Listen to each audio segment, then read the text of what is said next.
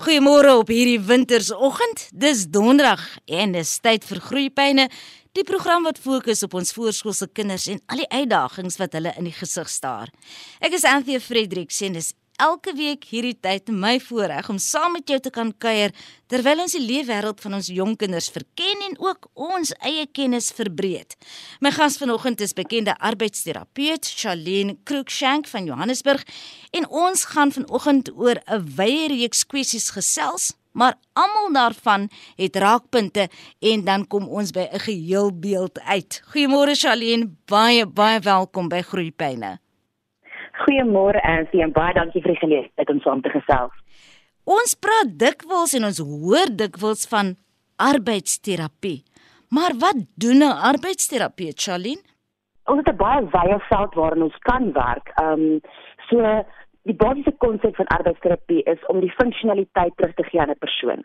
En wat ook al veld hulle dan werk. So ons werk baie mense weet ons werk met kinders. So as 'n kind 'n uitval het of daar's 'n agterstand in ontwikkeling, dan help ons hulle om funksioneel volgens hulle ouderdom te wees. Dan is daar ook arbeidspraktyke wat werk in geriatrie, dis nou die ouer mense om hulle funksioneel te hou, te stimuleer en hulle onafhanklik te hou vir so lank as moontlik en dan aanpassings te maak wanneer hulle byvoorbeeld in 'n rolstoel moet wees of met 'n loper moet loop en dan met hulle huis te vergemaklik sodat hulle makliker kan beweeg met hulle ouderdomsinperkings. Ons werk ook met spinaalkoordbeserings, jou kwadriplee, jou paraplee wat nou 'n rolstoel moet aanpas, ons maak aanpassings in hulle huis en hulle werksveld.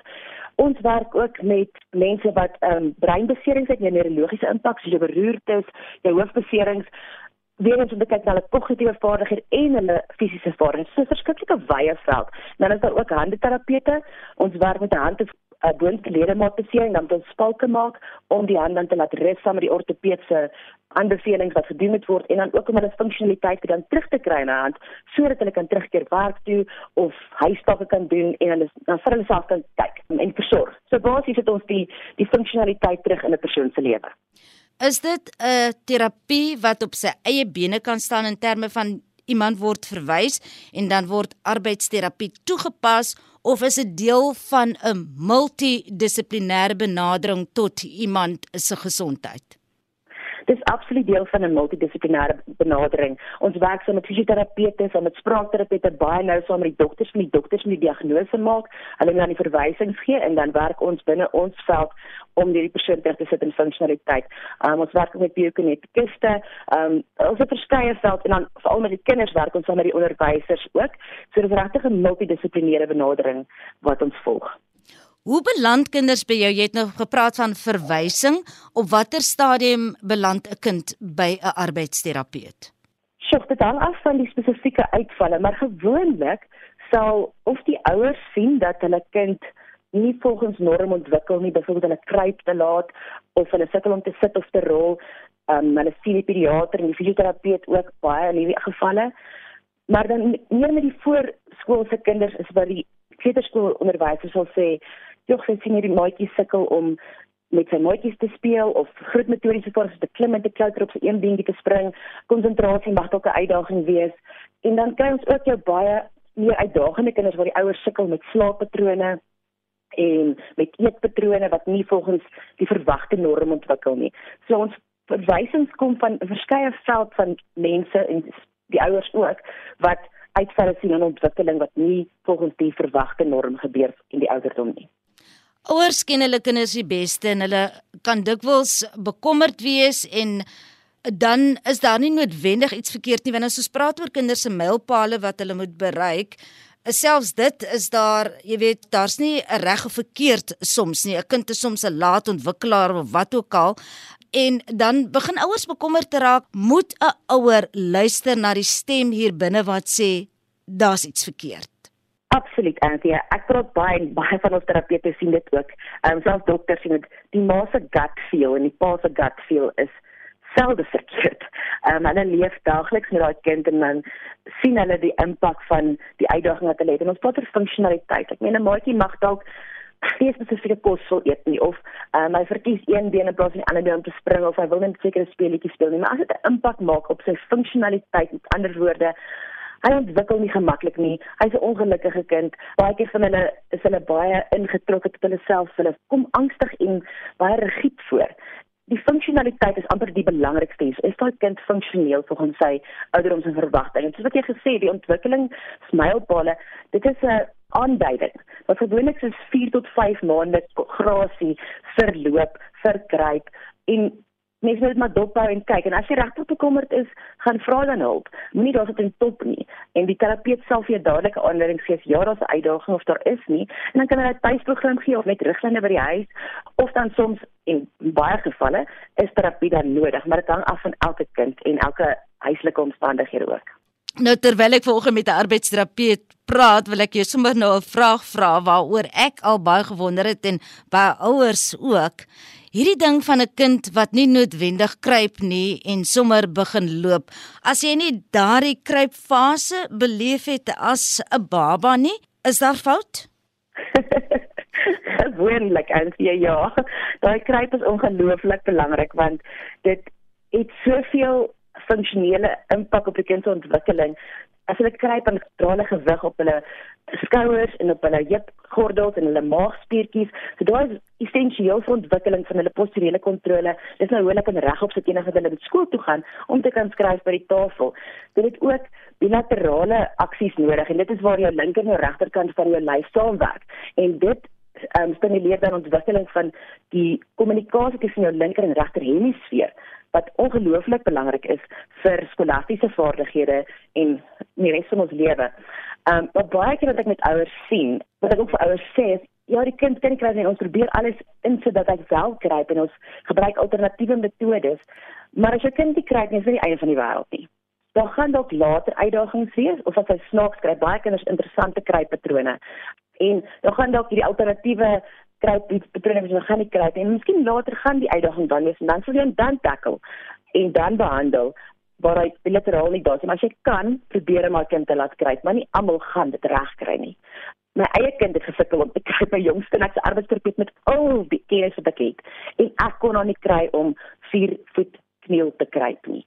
Sy het met een bout gewikkel en baie vinnig, maar later het gewys dat daar bilaterale uitdagings tussen tussen toe benader en toe behandel. Sou jy aanbeveel mense moet glad nie so 'n baba dwing om te kruip nie. Jy weet, forceer om daar neer te sit en fisies daardie ou kniegies te wil beweeg en sê maar jy moet kruip. Absoluut nie.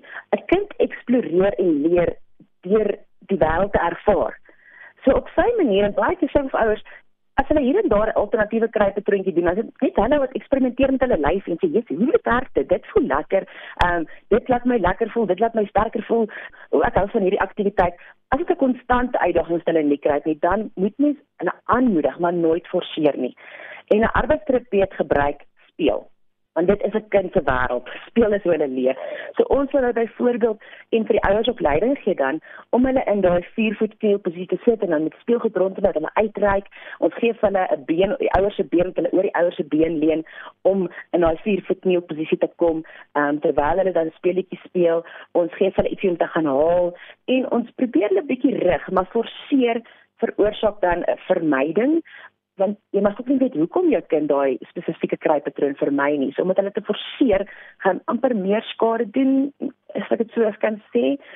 En dit gaan die ouers onder stres plaas en die kind onder stres plaas terwyl dit eintlik daai groot op te speel en eksplorasie wees en dis hoe kinders leer. Charlene, hoe maak 'n mens jou huis, jou omgewing vir daardie baba bewegingsvriendelik van die begin af? So, almal weet van baby proofing waar jy al die goed wat kan breek as hulle begin optrek net buite die raamwerk stel. Maar eerste die belangrikste ding is op jou kind se vlak te kom. So ek weet jy praat van die huisomgewing, maar op jou kind se vlak. So as jy met hom speel, gaan op die vloer. Nie op die stoel sit nie, gaan stop die vloer. Maak die omgewing kindervriendelik daar waar hy veral sy omgang gee van 'n area waar sy speelgoed op die vloer kan wees en ek weet dit is baie keer frustrasie want dit lyk ongeorganiseerd en dit lyk vuil en ouers trap op Lego blokkies en hout blokkies en dit is nogal seer ek het baie mense wat hulle spot oor die ouers wat so op die Lego blokkies trap maar dit is die kind se veld op daai ouderdomsvlak. So maak dit vir hom gemaklik en gee hom goed in jou huis as jy vir die kussings op die vloer dat hy oor die kussing kruip of ehm um, skuif die tafel sodat hy om die tafel onder die tafel of onder die stoel kan deurgaan jy kan so 'n lekker herinnernisbandjie bou met apparaat in jou huis en dat jy speelgoed op spesifieke plekke weg. Is dit 'n boks om die boks moet kry of maak 'n ou boks en maak 'n gat deur te reg deur die boks kry. Sien hoe jy die huis kan sit net om die kind op sy vlak te laat interesseer in sy veld en dat eksploreer wat dit presies wat hy wil doen. Is daar sommige kinders wat 'n voorsprong het met beweging en hoe gou of hoe vinnig hulle as babas ontwikkel op 'n funksionele vlak? 'n Mens hoor van kinders wat uh, vroeg kruip en dan kinders wat ook sommer op die ouderdom van 9 maande al kan loop. Is daar 'n verband tussen hierdie kinders wat vroeë presteerders is as 'n mens dit kan noem en dan later jare se ontwikkeling uh, op skool? Ja en nee. Ehm um, kyk kinders ontwikkel ons het gepraat baie praat ons as arbeidsterapeute van sekere areas wat vinniger ontwikkel. Jy kry jou kinders wat baie taalvaardigheid het en hulle praat vroeg en dan is hulle bietjie stadiger met die metodiese ontwikkeling in die kruip. Ehm um, ander kinders is baie vinniger met hulle metodiese ontwikkeling en stadiger met hulle taalvaardigheid ontwikkeling. En al die ontwikkeling verg energie en inspanning in die brein. So as een veld bietjie vinniger is, dan gaan 'n ander veld ook stadiger wees. Maar op die einde normaliseer dit en balanseer dit mekaar uit dat die kind wanneer hy skool gaan is, min of meer op dieselfde vlak is. Ons sien wel dat jy kinders wat vroeg loop amper meer jou sensoriese soekers is.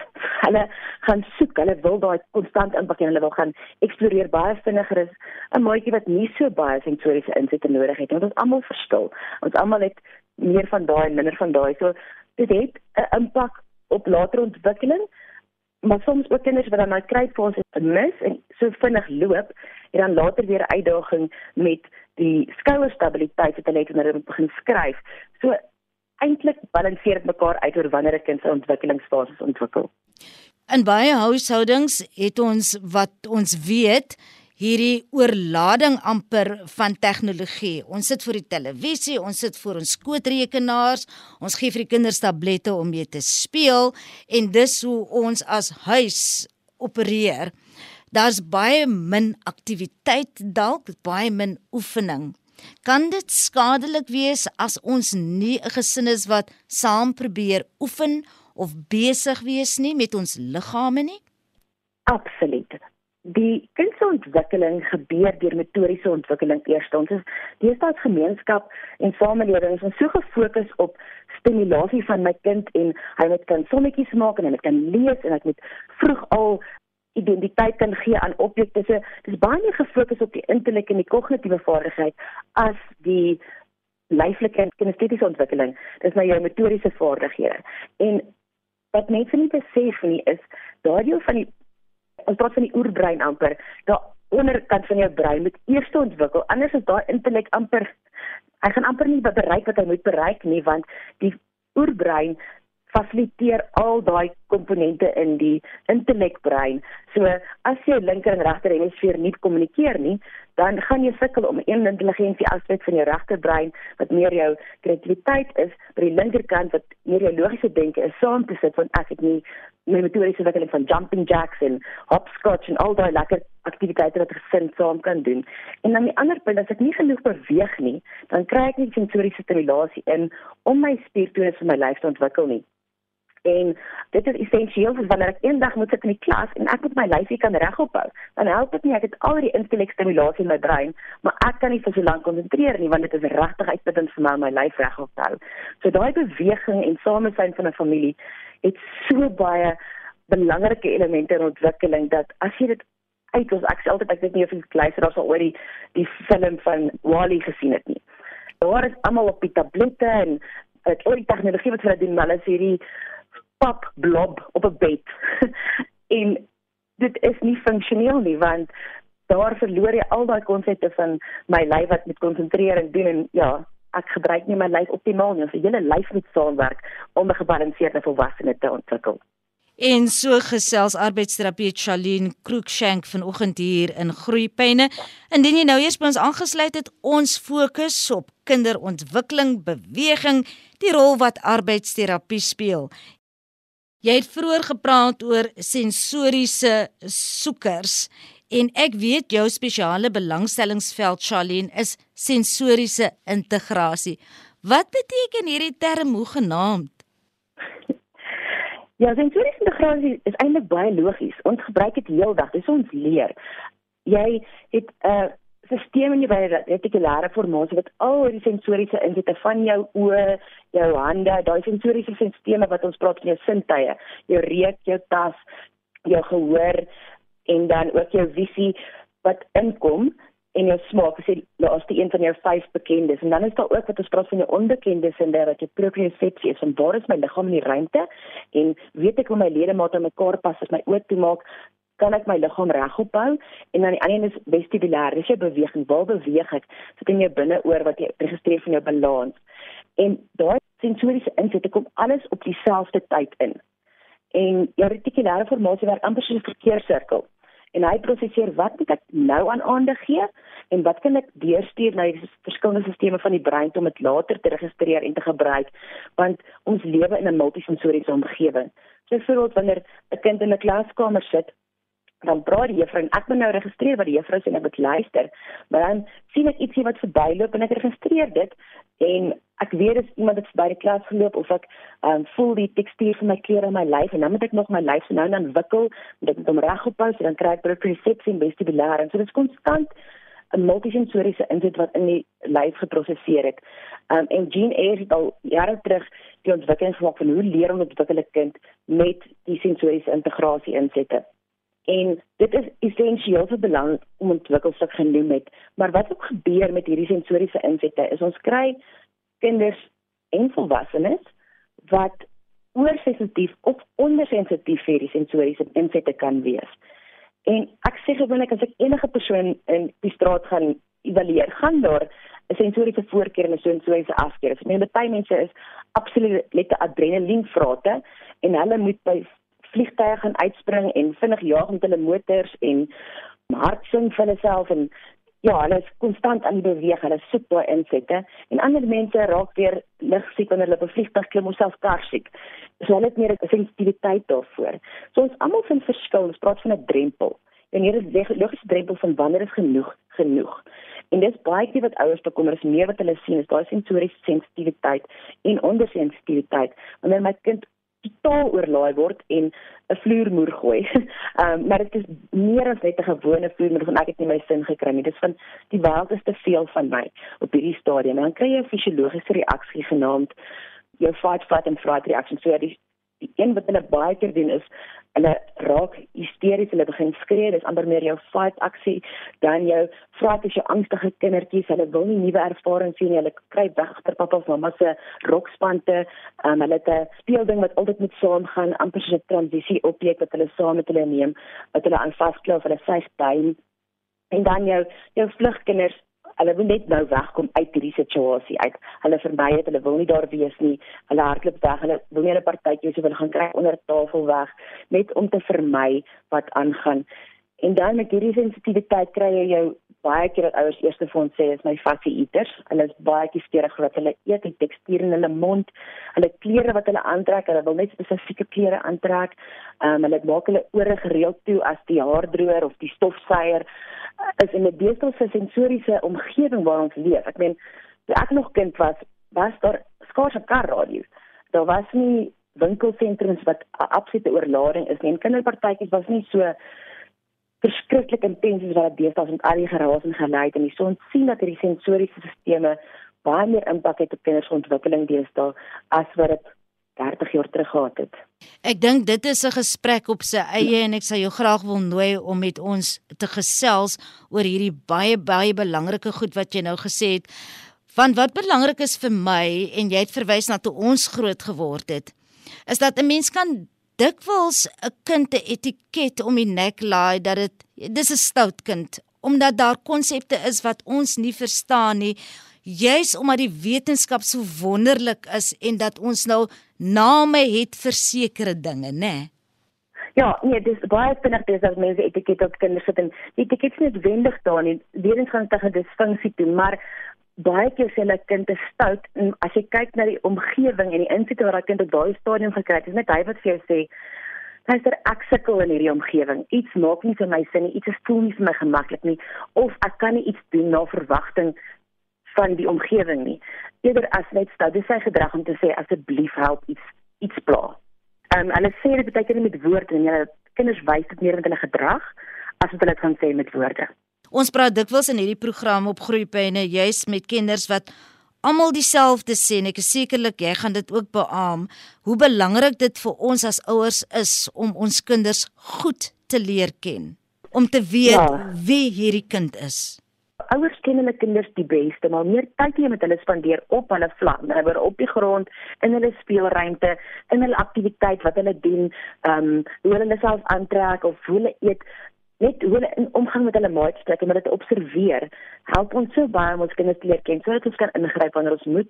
En dan ook 'n sterk punt kan sê ja ek sien my kind is geïnteresseerd aan hierdie. Hoekom hoe kan ek hom ondersteun om te bou aan hierdie area en om met hulle te deel sodat ek kan sien hoe hulle ontwikkel? Eerder as om net op so 'n afstand af te kyk en sê ag my kind doen so fantasties of my kind doen nie fantasties nie. Dit hang af van elke ouer Charlene, ek kan nie glo dat die tyd amper verstreke is ver oggend in ons gesprek nie, maar ek wil baie graag met jou ook gesels oor 'n praatjie wat jy gereeld het rondom jy weet, daardie huistakies en daardie verantwoordelikheid wat ons reeds op 'n jong ouderdom aan ons kinders moet oordra op 'n ouderdomstoepaslike wyse. Hier praat ek nou van die basiese huistaakies rondom om die kamer netjies te hou om jou speelgoed weg te pak want ons kinders is tog so weerloos en ons kinders is so klein en ons wil tog so graag vir hulle alles doen. Is dit die regte benadering? Ja,